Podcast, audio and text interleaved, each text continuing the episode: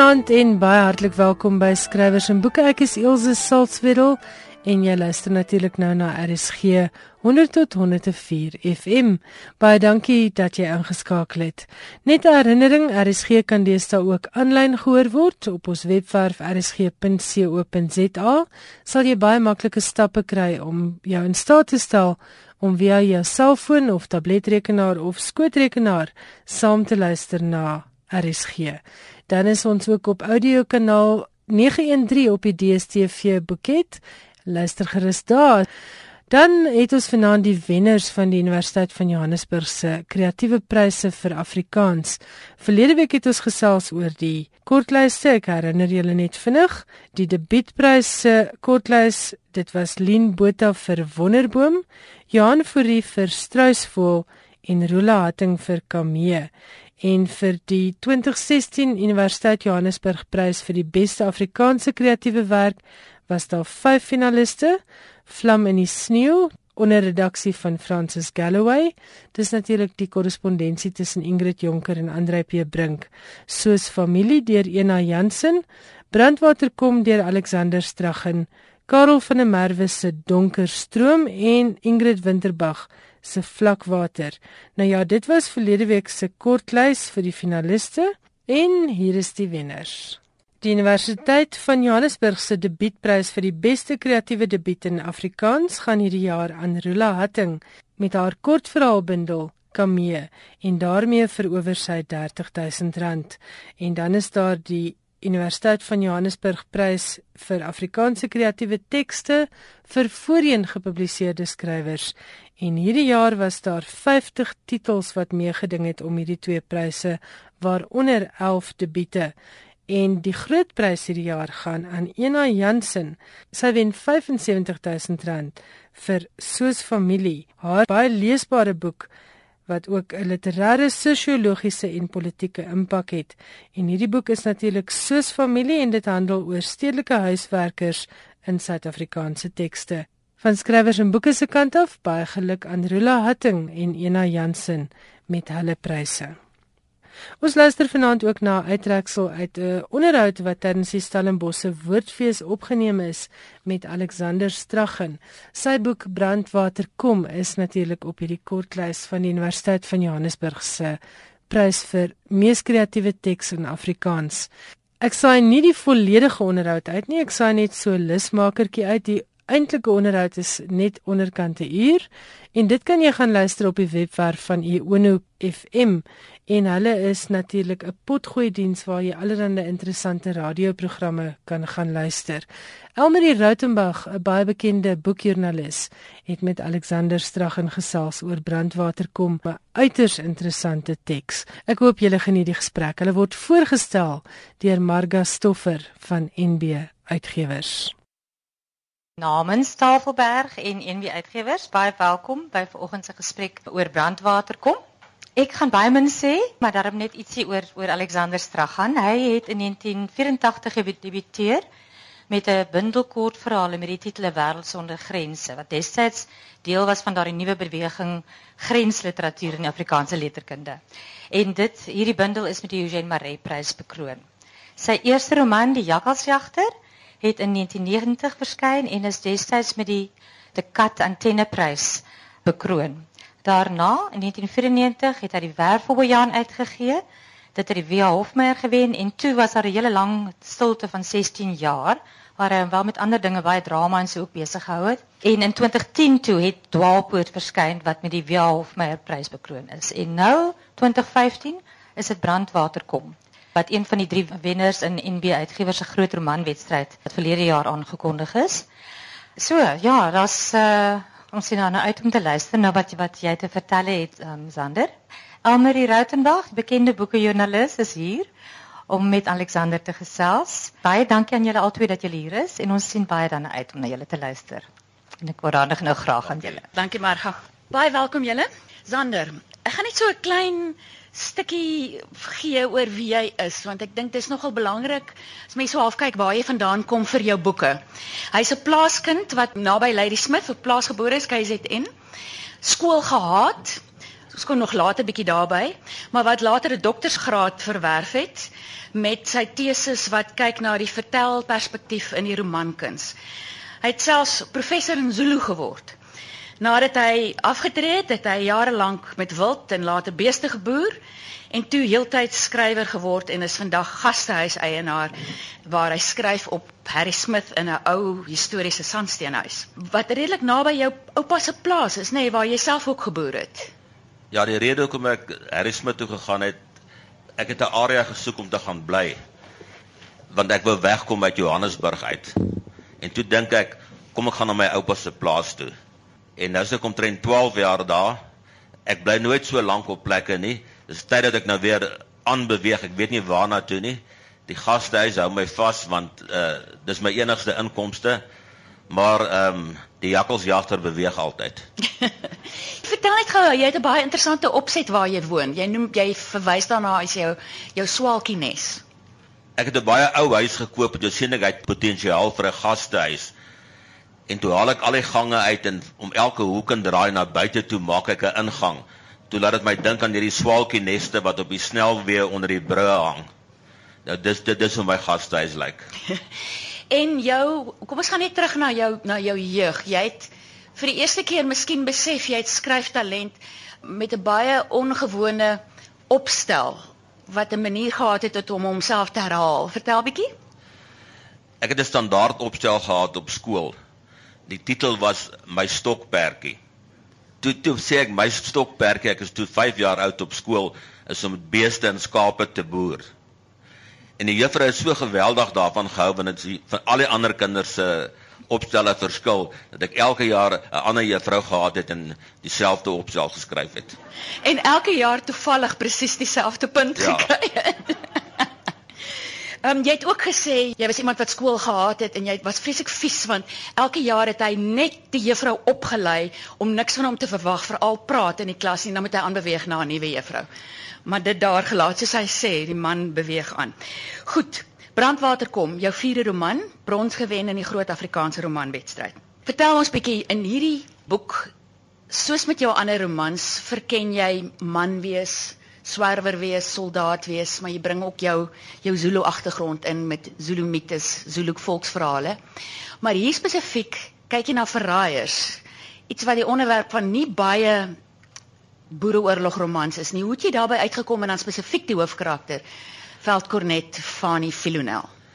Ja, ehm um, dis nog 'n lang vraag. Ek ek sal probeer my hoofvak op universiteit was Afrikaans Zulu gewees en, en ook Suid-Sotho. En uh die groot gemis in my hele lewe van opvoeding was dat ek nooit geskiedenis as 'n vak geneem het nie. Maar dan sou ek in geskiedenis gedoktoreer het. Maar ek het toe besluit om myself in die geskiedenis op te lei. Toe ek hierdie roman begin skryf, toe weet ek nie watter milieu gaan ek kies nie.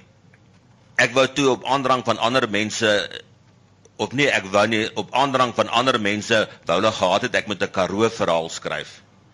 Toe sê ek 'n mens kan nie 'n Karoo verhaal skryf as jy nie eers in die Karoo gewoon het nie. Toe uh, begin ek rondom my kyk. Intussen toe lees ek die teses van Frans Johan Pretorius uh oor die komando lewe.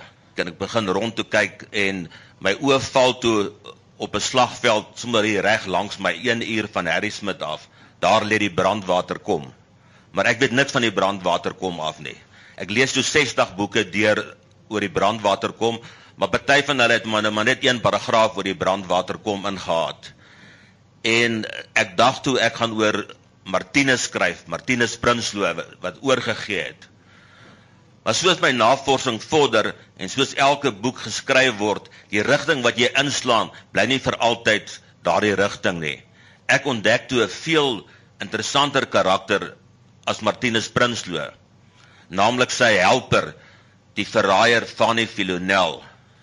En toe begin ek op sy spoor te loop wat eintlik die Senekal spoor was en uh, ek lees alles wat ek oor hom kan kry op en ander goed las ek by en ek lees verder en en toe begin ek die verhaal skryf van Fanny Filonel, die beste skut in 1893 in die Vrystaat, die beste perderyter in die Vrystaat, onverskrokke kommandant en wat 'n totale ommekeer in sy lewe ten opsigte van die oorlog gemaak het.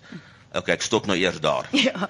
En Martinus Prinsloo het in eerste plek jou oog gevang omdat hy hy was bekend as die man wat 3400 boere gesver gekry het om oor te gee aan die Engelse. Ja, ek dink was 4300, is dit? 4300 ja, selfs meer. 4300. Ja, hy hy, hy het my oë eerste keer gevang en dan tweedens het, het, het die omgewing my oë gevang omdat ek hierdie hinkering na geskiedenis gehad het, het ek gedink ek maak hierdie nou my, my eie informele teses oor die geskiedenis. Maar die impak is so groot net dat in die brandwater kom waar die manskappe, hulle perde, hulle waans, baie keer het hulle gesinne ook gehad saam met hulle, nê.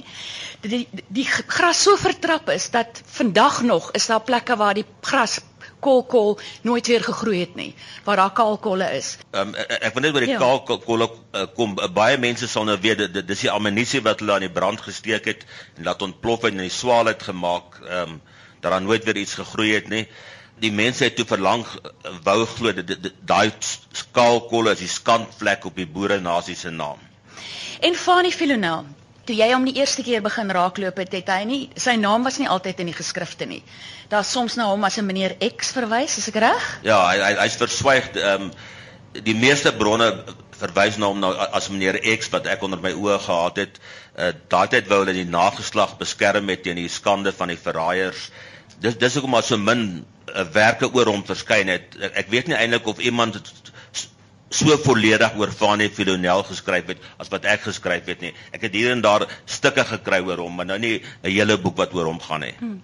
En jy het gepraat van 'n embargo oor die geskiedenis van verraaiers wat in 'n stadium vir die eerste keer redelik onlangs gelig is. Ja, ek het gehoor as eh, hier vanaf die jaar 2000 af eh, kon jy in Bloemfontein eh, in die argiewe ingegaan het, maar in Pretoria kon jy wel daarom met toestemming insaag gekry het.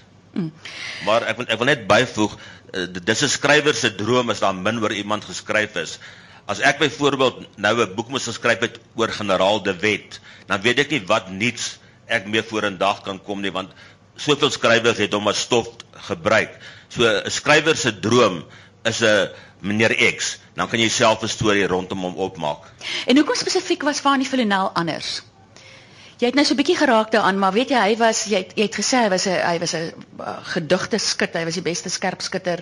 Hy was 'n fantastiese soldaat en als maar ook in sy dorp in Senekal het hy 'n baie belangrike rol gespeel. Hy was nie sommer net 'n hierdie nie, hy was nie 'n onbekende man nie. Ja, hy het iets reg gekry wat ander verraaiers glad nie kon regkry nie. Uh die die meeste verraaiers is gebrandmerk geweest maar nie hy wat van die Filonel is nie. Hy keer terug na sy dorp en word sommer dadelik die burgemeester. So dit hy dit het hom anders te gemaak as ander mense. Hy teruggekeer as 'n verraaier en onmiddellik weer 'n leiersrol in die dorp opgeneem. Ek dink hy was vir 5 agtereen volgende termyne as burgemeester verkies. Ek het hom gemaak as 'n ou uh, met 'n oog vir 'n mooi vrou en 'n mooi hoed. 'n oog vir 'n mooi perd. Ehm um, ek het hom 'n modevat gemaak, dat hy netjies aantrek en Kijk, hy was 'n so prokureur netjies gegee oor hoede.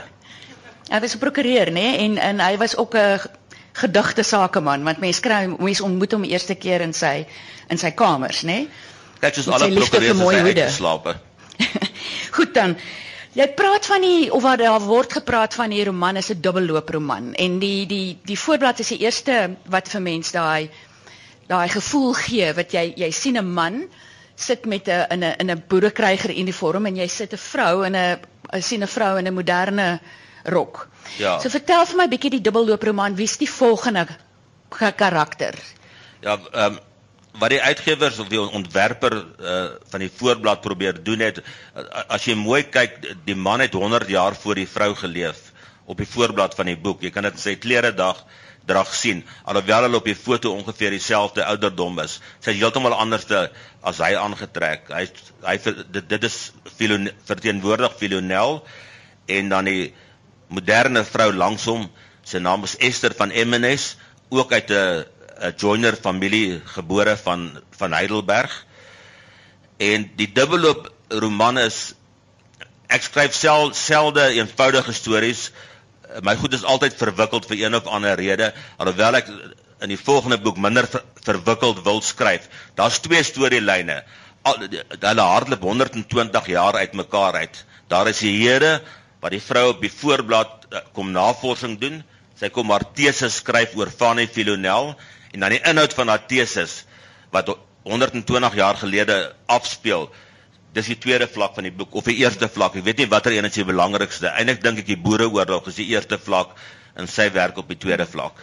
Wat dit baie interessant maak, ek dink dit was Louise Viljoen wat gesê het wat dit amper meer kompleks maak is hier het ons 'n fiktiewe karakter, dis nou Esther, wat navorsing doen oor 'n historiese karakter wat werklik geleef het. So jy kry ook daai daai effen daai spanning. En dan bring jy o en jy was self by Esther se joiner uh is dit oupa of voorsaat Ja, ek ek het graf gewees. Daar ja, is 'n van Emmenus graf. Ja, dit is net 'n hoop klippe langs die uh N3 N3 snelweg tussen Villiers en Heidelberg. Ek het al daai plekke gaan besoek sodat ek 'n gevoel vir die hele ding kan kry. Met die gevolg is hierdie boek het my 3 jaar geneem. 1 jaar het ek navorsing gedoen. Ek het alles gelees wat jy kon gelees het. Soos ek sê ek het daai komando lewe opgeswat sodat ek weet hoe lyk dit op komando. Ek het ander boeke opgestudeer en dan het ek die plekke self besoek en met die ouer inwoners gesels. En jy het ook baie navorsing gedoen op daai plaas, né? Nee? Die, die plaas se naam is uh, Swartfontein. Dis waar hierdie vrou nou bly, Erika van Eden. Sy is soos 'n lewende ensiklopedie oor die area. Sy het al die inligting versamel. Ek het by haar gehoor van Katarina Venter wat in die grotte bly en alles. En dan wanneer ek feitelik in die boek skryf, het ek uh, probeer skryf so feitelik as moontlik. Baie keer het ek natuurlik geïnterpreteer. 'n skrywer is daar om te interpreteer. Uh 'n geskiedskrywer skryf anderste. Ek het uh 'n karakter geskep uh by name van Boeler. Nou die Boeler wat ek geskep het is waarskynlik nie heeltemal dieselfde as die Boeler wat in die werklike lewe voorgekom het nie. Maar ek het tussen die lyne gaan lees. Ek het gaan lees wat is die klagtes teen Boeler. En een van die hoofklagtes was gewees uit die kanonne by Colenso verloor dan is hy hy ander mense nie in kennis gestel dat hy opruk nie en dan die derde klagte wat oral voorkom wat soek hy donderste kaste champagne gedurig onder sy kambed so laat ek maar sommer 'n bietjie syp maar kom ons gaan nou verder daarmee jy het juist gesê as 'n mens ons soveel ontsettend baie geskiedkundige navorsing doen dat jy op die eind kan jy sit met die probleem dat jy 'n tese skryf nie 'n storie nie so jy het die hele tyd vir jouself gesê ek moet 'n storie skryf ek moet nie net die navorsing weergee nie, nê? En dit is hoekom jy spesifiek hierdie mense, hierdie historiese figure wou mense maak. Want dit ja. was Boeler en jy het ook ou Piet Cronje wat jy bietjie ja. as 'n stinkie uitbeeld? Ja, by Piet Cronje en by Boeler en by Roberts. Ek, eh, eh, ek moes vleis om die been sit. Jy, eh, anders was dit net 'n gewone geskiedenisboek en hierdie is 'n roman. So da, dis nou maar die poetic freedom wat enige skrywer het. Ek moet mense soos hulle sê vermaak en dan ehm um, jy moet nou nie heeltemal van die waarheid afwyk nie, maar jy moet die fiksie is is meer kleurryk. En vertel 'n bietjie van Martinus Prinsloo. Dis nou die man wat hierdie wat sommer so maklik gesê het nee, goed, hy's eintlik ook maar redelik gatvol vir die oorlog. En toe ou Filonel kom en hy's 'n prokureur, hy weet om sy woord te doen en hy stel sy saak en hy sê luister, hierdie oorlog gaan ons vernietig. Hoekom gee ons nie oor nie? toe gee hy sommer redelik maklik in, maar vertel 'n bietjie hoe jy hom uitbeeld, hoe jy van Martinus uitbeeld met sy bulsak. Ja, ek het nou Martinus uh, Prinsloo as 'n redelik eksentrieke oom uitgebeeld. Ek het hom uitgebeeld as hy sy koffie drink dan maak hy sy een oog toe en om te loer wat hy weer gaan maak. So ek ek, ek wou 'n mens van hom gemaak het.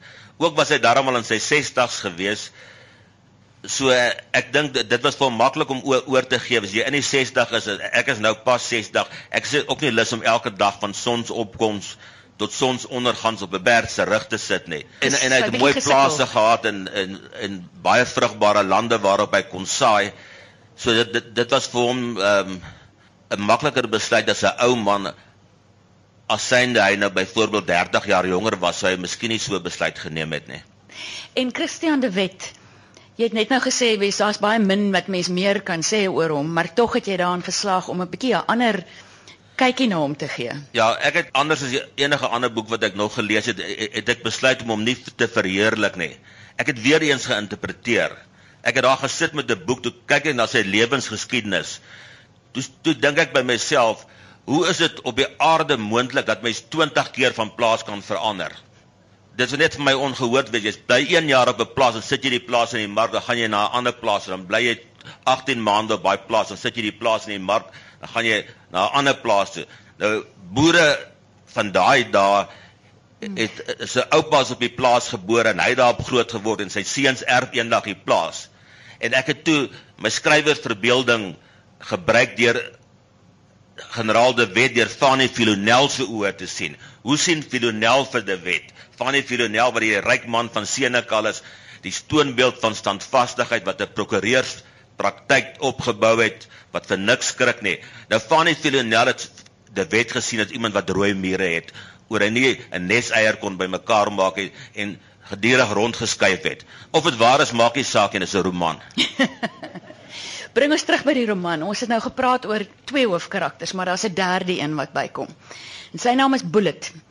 Um 'n oud grensvegter, ook 'n baie interessante karakter omdat hy in jou vorige roman was in Dwaalpoort. En wat so half in 'n sekere mate skade wees van jou eie van jou eie ervaring het. En met hom bring jy vir die eerste keer die grensoorlog en die boereoorlog bymekaar. En jy het in 'n onderhoud gesê dis die eerste keer dat hierdie twee oorloë eintlik naas mekaar geplaas word. Hoekom? Hoe hoe hoe het jy hoekom het jy besluit om Bullet in te bring? Wat is sy funksie? Kyk, eh, eh, as 'n skrywer 'n boek skryf, dan probeer hy altyd iets nuuts doen. Soos ek nou gesê het wat ek met De Wet probeer doen het, eh, hoe ek Boeler probeer uitbeeld het, jy moet iets nuuts doen. En ek het nêrens nog in ons letterkunde tensy ek dit misgelees het aangetref dat die boereoorlog en die grensoorlog saam aangebied word nê. So in 'n mate wou ek gewys het die grensoorlog is ook nou geskiedenis. En soos die mense op die boereoorlog terugkyk, kan hulle nou na die boereoorlog op die grensoorlog terugkyk. Nou Bullet is 'n gunsteling karakter wat uit verskeie van my werke uitkom. Die hoofrede hoekom hy daarso is, buiten van wat ek nou genoem het, elke leser wat ek teëgekom het, het gesê, "Bring tog net asseblief weer vir Boele terug." En selfs my mees feministiese vroue vriendinne wat wat alles wat Boele doen, gryns teen hulle in. Hulle wil vir Boele sien. Vir een of ander rede hou die mense van hom en ek ek weet nie hoekom nie. Toe gee ek hulle weer vir Boele. en beskryf hom, is hy jy? Ek is bietjie mooier as hy. Jy het ook gesê hy's eintlik 'n beter soldaat as jy, hy's 'n beter skut as jy. Nee, um, Bullet ek, ek ek was baie jare lank 'n soldaat gewees. Hy het my in alles oortref. Van skiet tot hofmakery. Hy kon meer drink as ek. Ek weet wat dit nogal 'n prestasie is. Ehm um, ja, miskien waar ek hom so effens klop, ek ek kan hom boeke skryf. Maar met Bullet bring jy hy hy moet vir Esther kom help. So hy hy kry amper opdrag dat hy vir haar moet help, hy moet haar navorsing weier maak. Maar hy moet sorg dat sy weier kyk is net die net die boereoorlog. En onder andere vat hy haar na die brandwater kom waar daar in uh, die Golden Gate begraafplaas is daar toevallig 'n graf van 'n grensvegter. Jy was ook daar. Ja, die uh, die die graf is eintlik by, by in die Fouriesburg begraafplaas. Okay. Net so neffens as jy by die begraafplaas inkom, dan lê daar hierdie moderne graf, dan as jy bietjie verder inloop is al die ou grafte. Bullet was 'n noodsaaklikheid vir hierdie werk, maar in die, in die volgende werk uh, gaan ek hom nou agterdraat. Hy kan nie vir ewig saamtrek nie. In 'n opsig was hy die jakkalsjagter gewees, in 'n opsig die wildvanger. Ehm um, my werke gaan basies oor soldaat wees, oorlog, dit plaasroman tema, vroumense, vroumense met losse sedes en dis meer wyse vroue. Ja, ek skryf 'n manlike tipe roman. Ek wil net bly by hierdie by hierdie manlike tema in die hele in die in oorlog want wat Boele doen is in 'n mate amper vrae te vra soos hoekom gaan mans veg? Hoekom besluit mans om verraad te pleeg om weg te gaan? Hoe word soldate ontvang as hulle by die huis kom? En dit is waar daar raakpunte is tussen die Bosoorlog en die en die en die en ehm um, die Boereoorlog. En dan spesifiek wat Boele doen is hy dra notas saam met hom. En daar's 'n baie interessante backstory oor daai notas want die notas gaan oor 'n kontakaanval op die grens wat die spesmagte uitvoer wat en hulle is die hoogs geheime vleuel geweest maar jy moet liewerster beter vertel ek dink. Maar dit is notas oor 'n kontakaanval wat hy by hom hou hy gee dit vir Esther om vir haar insaag te gee in die grensoorlog. So vertel vir ons 'n bietjie daai backstory van daai notas Dis eintlik jou eie notas. En dis nie net Ja, notas dit, nie. uh, die die notas het, het te doen met die veelvlakkigheid van die teks. In hierdie teks is daar verskriklik baie stemme. Die brandwater kom as sulks word as 'n vroulike stem uitgebeeld. En dan het ek nog te kere gegaan oor Jan Smit se holisme en en wat ook al dat jy eers as jy alles saamgooi kan jy die betekenis kry. So uh, ek het 'n vreemde ding in hierdie boek gedoen. Ek ek het myself die skrywer ook in hierdie boek ingeskryf, seker tot baie mense se irritasie. Daai notas dan volgens die roman is deur die skrywer wat nou hier met julle praat, geskryf in in in Bullet se hande uh gesit. Dan die, die ooreenkomste of verskille tussen die Boereoorlog en die Grensoorlog. Toe die boere teruggekeer het, die bittereinders, was hulle as helde ontvang en hulle het oor see gegaan, probeer geld insamel en tot vandag toe nog. Maar ek behoort aan baie oud soldatebonde. Die algemene gevoel is dat die soldate wat van die grensoorlog teruggekeer is, deur almal verraai is. Hulle is verraai in die sin is hulle was oorbodig, hulle was in die pad. Hou op jou berei dra sit dadelik jou boshoed uit dat jy nie uitgeken kan word as 'n spesiale magte soldaat nie. Die soldate het 'n ander verwelkoming verwag nie om een kant toe geskuif te word of weggeskuif te word nie of iets waaroor dan nie gepraat moet word nie. Dis min of meer ek ek weet ek formuleer nou baie vaag want ek, ek kan dit nie meer spesifiek ehm um, formuleer as in Bullet se woorde nie wat hy gesê het ons was oorbodig, ons was in almal se pad. Ons het die gevoel gekry ons moet weggesteek word vir die oë van die mensdom en van die wêreld. Dit was die stem van Alexander Strag en hy het met Elmarie Rautenbach gesels oor sy roman Brandwater kom en dit is 'n uittreksel uit 'n gesprek wat tydens die Stellenbosse Woordfees opgeneem is. As jy verder wil luister, gaan klik gerus op die webwerf van Iono FM en gaan net na die woordfees gesprekke. Die potgooi is daar. Laat dit af en luister gerus verder. Brandwater kom word geskryf deur Alexander Straggen, uitgegee deur Tafelberg en kos R260. Baie dankie vir die lekker terugvoer wat ek gekry het nadat ek verlede week JP Mentjie se brief voorgeles het. JP het natuurlik tong in die kies gekla dat skrywers en boeke hom bankrot maak, want nou is daar soveel meer van die Afrikaanse boekwêreld waarvan hy bewus raak en dan voel hy ook hy moet die boeke koop.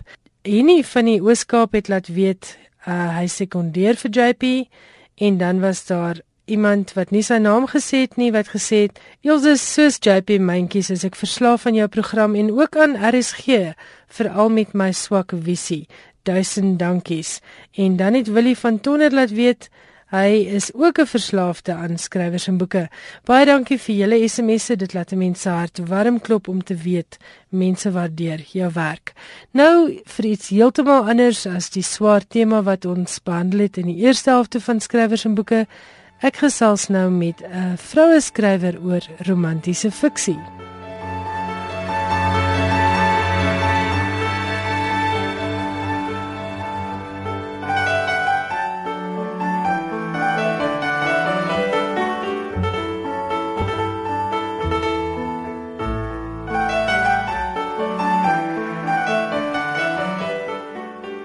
Gesels vanaand met Santi van der Merwe. Santi het verlede jaar gedebuteer sommer met twee boeke, Gelyke Kans en Vandat jy weg is en hierdie twee verhale volg op mekaar.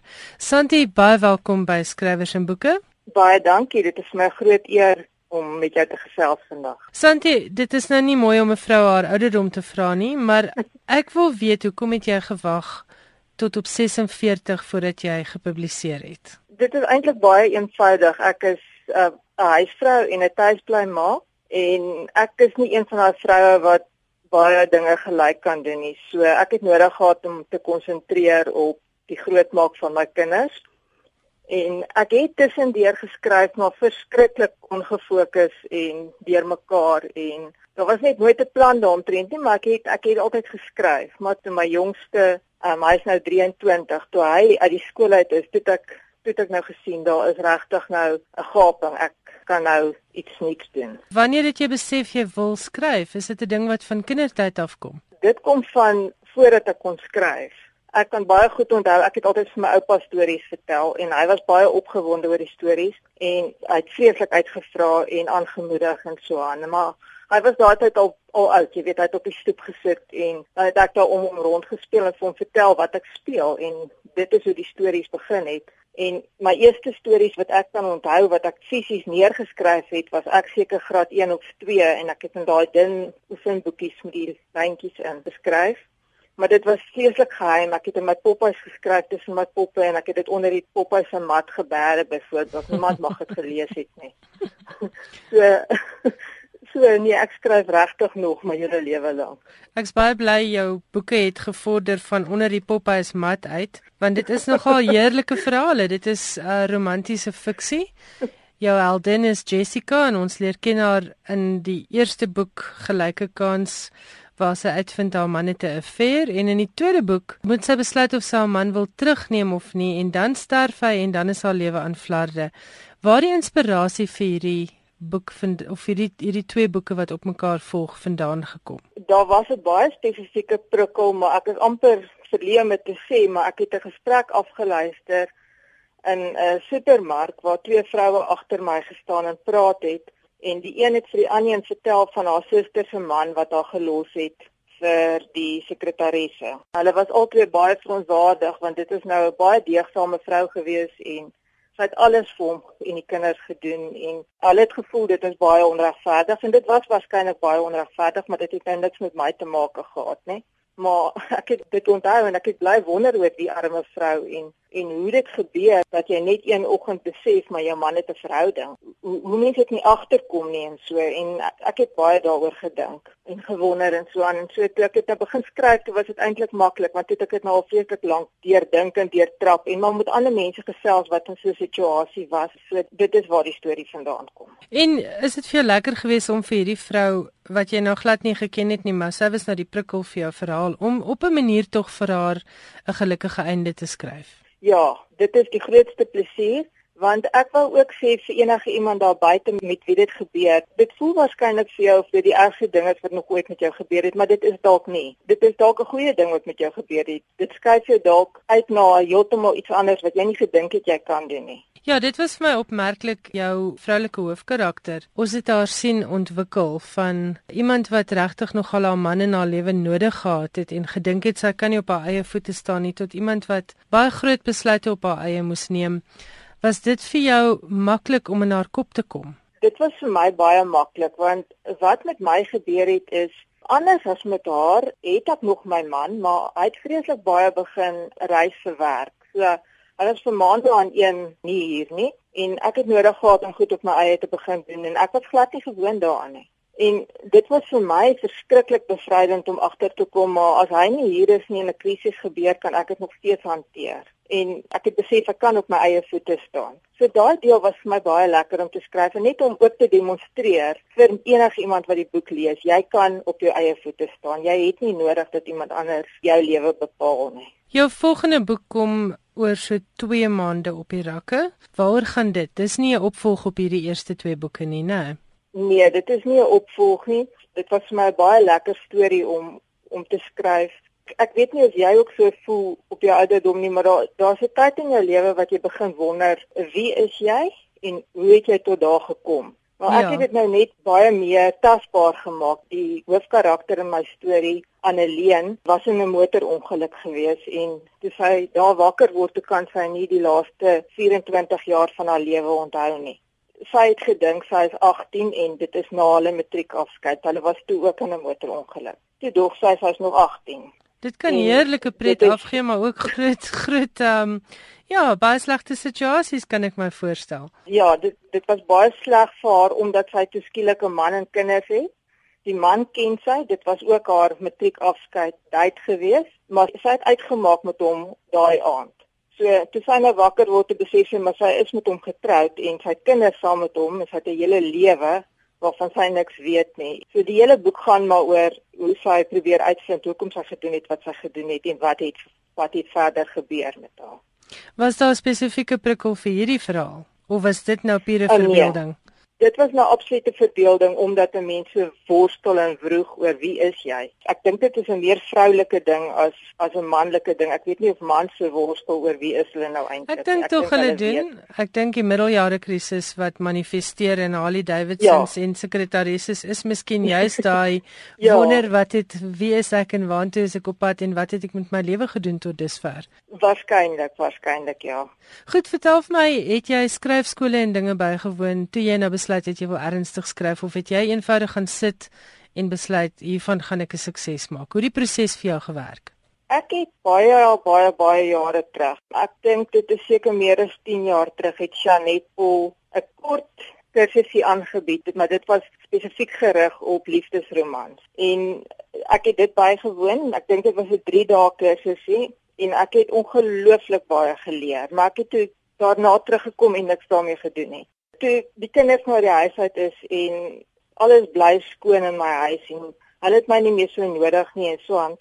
En my man was soos ek sê baie weg. Ek het besef die helfte van my lewe lê nog voor, maar dit lê oop voor my en ek kan doen daarmee wat ek goed dink. En dit was vir my die ideale uh, geleentheid om te begin skryf en om om meer doelgerig te skryf. En toe het ek doelgerig gaan sit en skryf. En ek het alles wat Janet my geleer het, het ek toegepas en ek het alles wat ek gelees het oor skryf, ek het baie daaroor gelees ook aanhoudend toegepas en ek het die boek geskryf. En die een boek het toe twee geword.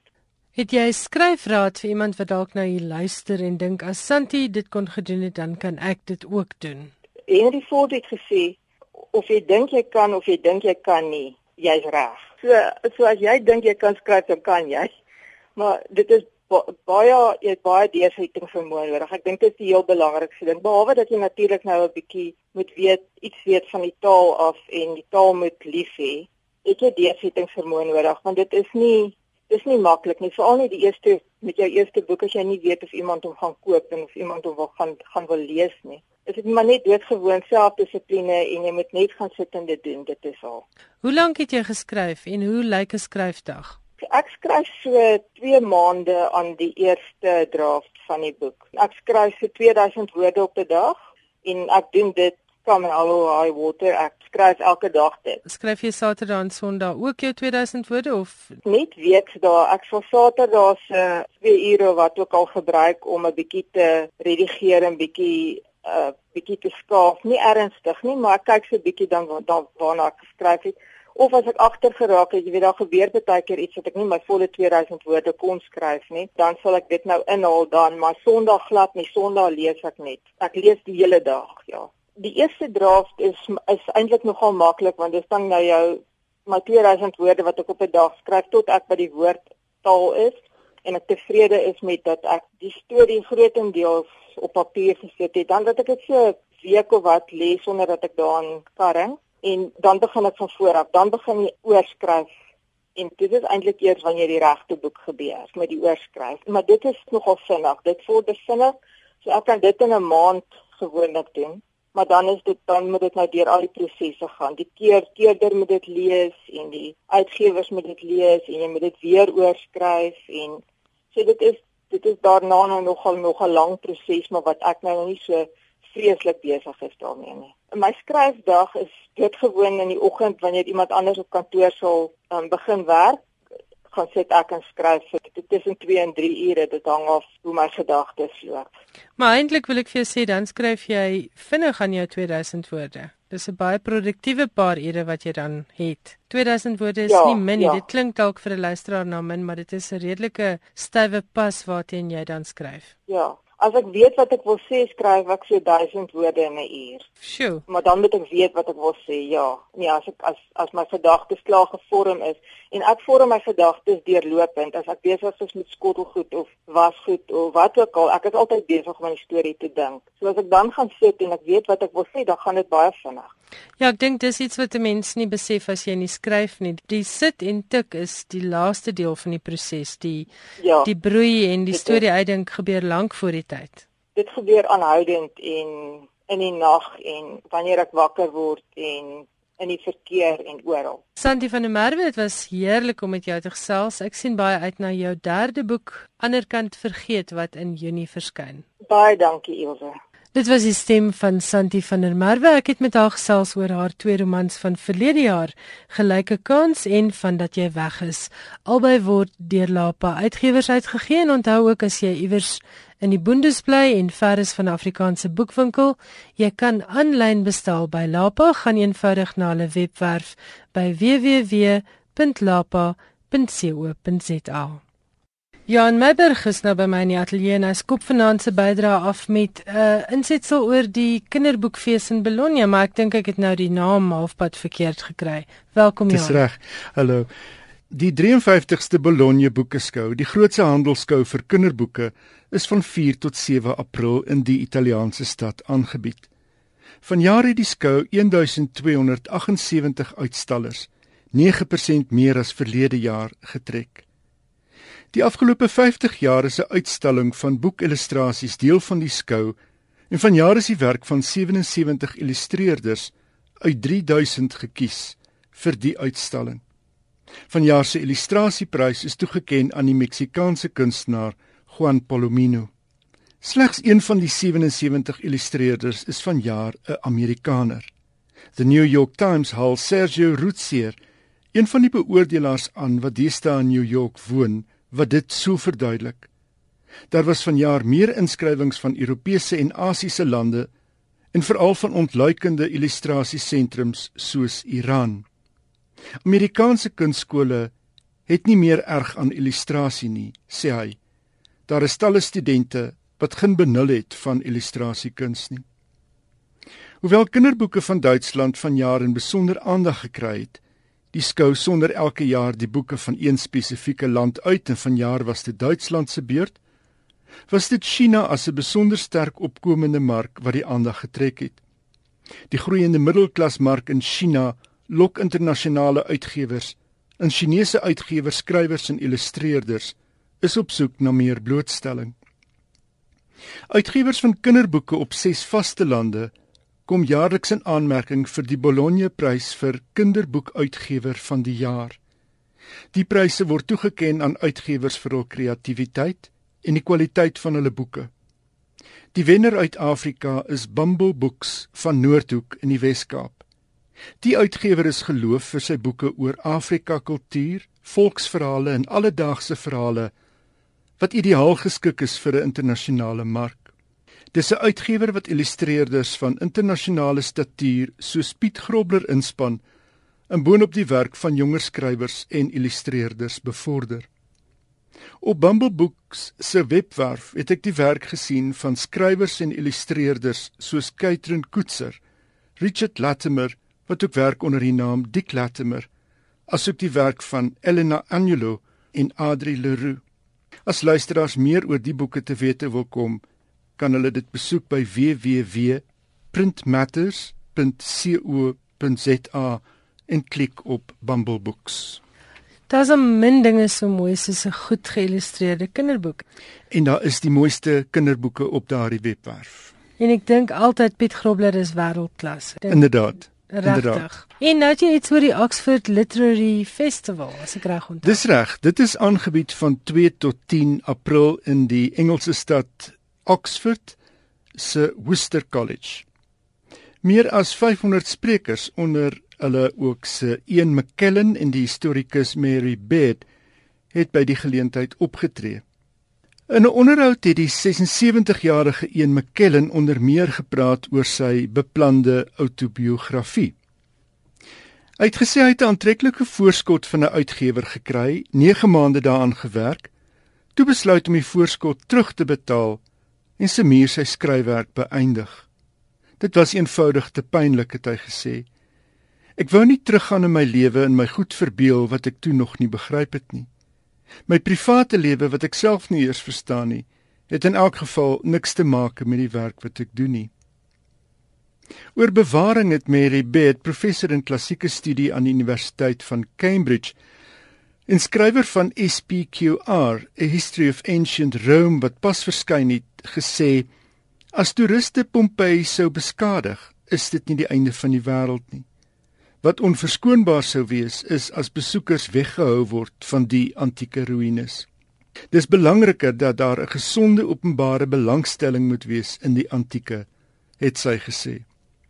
Pompeii, die Italiaanse stad wat in die jaar 79 deur 'n vulkaniese uitbarsting onder puin begrawe is, is dikwels in die nuus omdat die hoeveelheid toeriste 'n negatiewe impak sou hê op die bewaring van die ruïnes.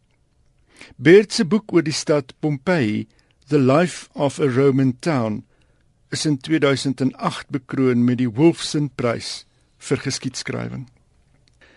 Literary Hub, 'n byderwietse aanlyn diens wat toegang bied tot die wêreld van boeke, het 'n paneel beoordelaars aangestel om as teenvoeter vir die jaarlikse Bad Sex Fiction Prys die beste in erotiese literatuur aan te wys.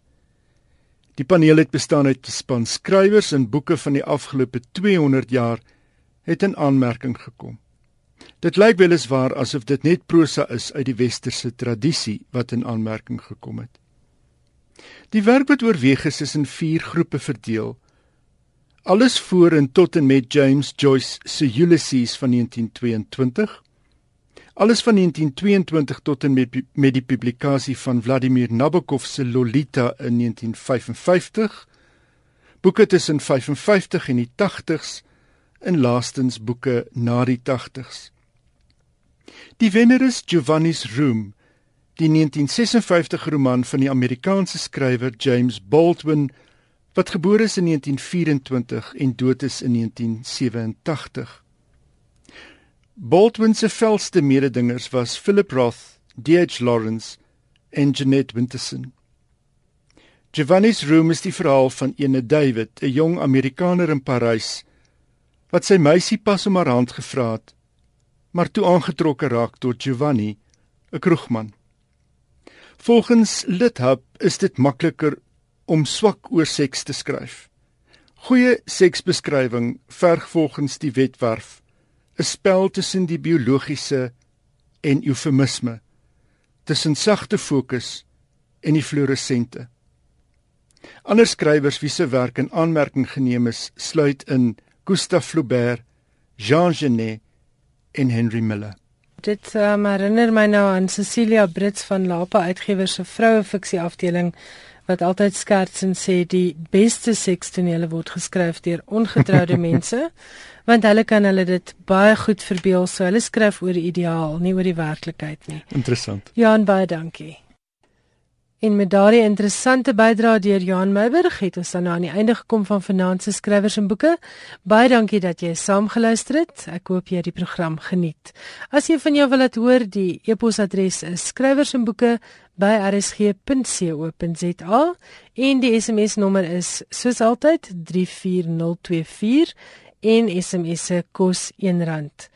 Onthou ook maar as jy weer na die program wil luister of as jy dit wil gebruik vir jou boekklub of 'n boekbespreking iewers, hierdie program is beskikbaar as 'n potgooi op ons webwerf by www.rsg.co.za.